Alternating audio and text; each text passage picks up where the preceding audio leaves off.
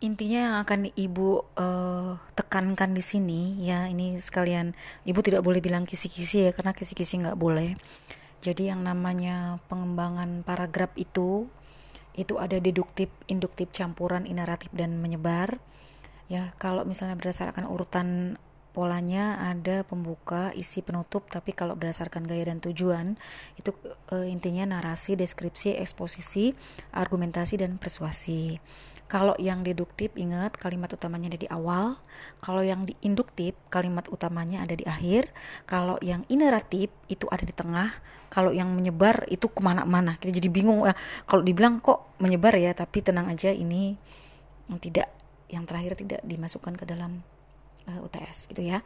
Lalu kalau uh, para uh, biar kalian nggak uh, teruduh gitu ya nggak bingung. Lalu berdasarkan pola urutan ada pembuka, isi dan penutup. Nah di sini kalau pembuka isi penutup itu satu kesatuannya ya namanya urutannya seperti itu.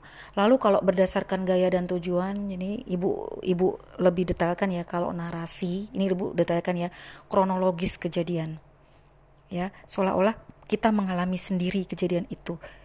Ini bahasa-bahasa cerpen dan novel biasanya seperti itu ya. Jadi kalau ceritanya sedih, kamu juga ikut menangis gitu ya. Kadang-kadang kalau ceritanya gembira kamu kadang-kadang ketawa ketawa sendiri. Jadi kalau narasi ini kebanyakan kebanyakan sekali lagi kebanyakan cerita-cerita dalam cerpen dan novel. Karena seolah-olah pembaca mengalami sendiri ceritanya.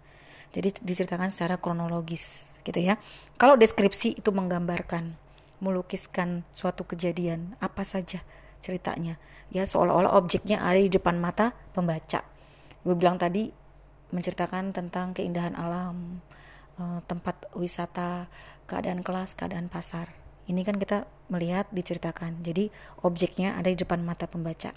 Ingat ya, kalau yang deskripsi mendeskripsikan, kalau yang tadi narasi bahasa-bahasanya dalam cerpen dan novel atau kronologis kejadian awal sampai akhir. Kalau emang mau menceritakan dulu tentang alur maju, boleh. Maju ke mundur, mundur maju, boleh. Ya jadi kalau bercerita mm, ini suami istri mengenang masa-masa pertemuan dulu. Nah itu berarti alurnya alur mundur boleh saja. Ya. Oh, lalu berikutnya eksposisi ini memaparkan. Ya memaparkan menjelaskan untuk menambah wawasan pembaca. Ya bahasanya pakai bahasa pengarang biasanya laporan rugi laba lap, menceritakan tentang apa eh, resep makanan gitu ya. Paparan artis juga itu termasuk eksposisi memaparkan sesuatu. Pokoknya ini menjelaskan sesuatu gitu ya menjelaskan sesuatu ya. Lalu kalau argumentasi di sini udah meyakinkan jadi meyakinkan sesuatu dengan bukti-bukti dan alasan-alasan ya. Kita udah e, meyakinkannya seperti apa karena kenapa ada bukti-buktinya? Misalnya tadi ada tanggal ada tahun ada jumlah gitu ya.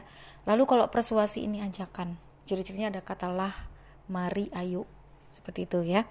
Itu saja mudah mudah dan mudah sekali ya bahasanya hmm, intinya itu. Jadi tadi uh, keterangannya banyak karena memang ibu wajib menerangkan dan ini ibu ringkas. Sebenarnya intinya itu ya. Lalu satu lagi syarat-syarat nah ini dia uh, syarat-syarat paragraf yang baik itu ada lima kesatuan kepaduan kelengkapan konsistensi sudut pandang dan uh, berurutan atau runtun gitu ya runtun seperti itu ya.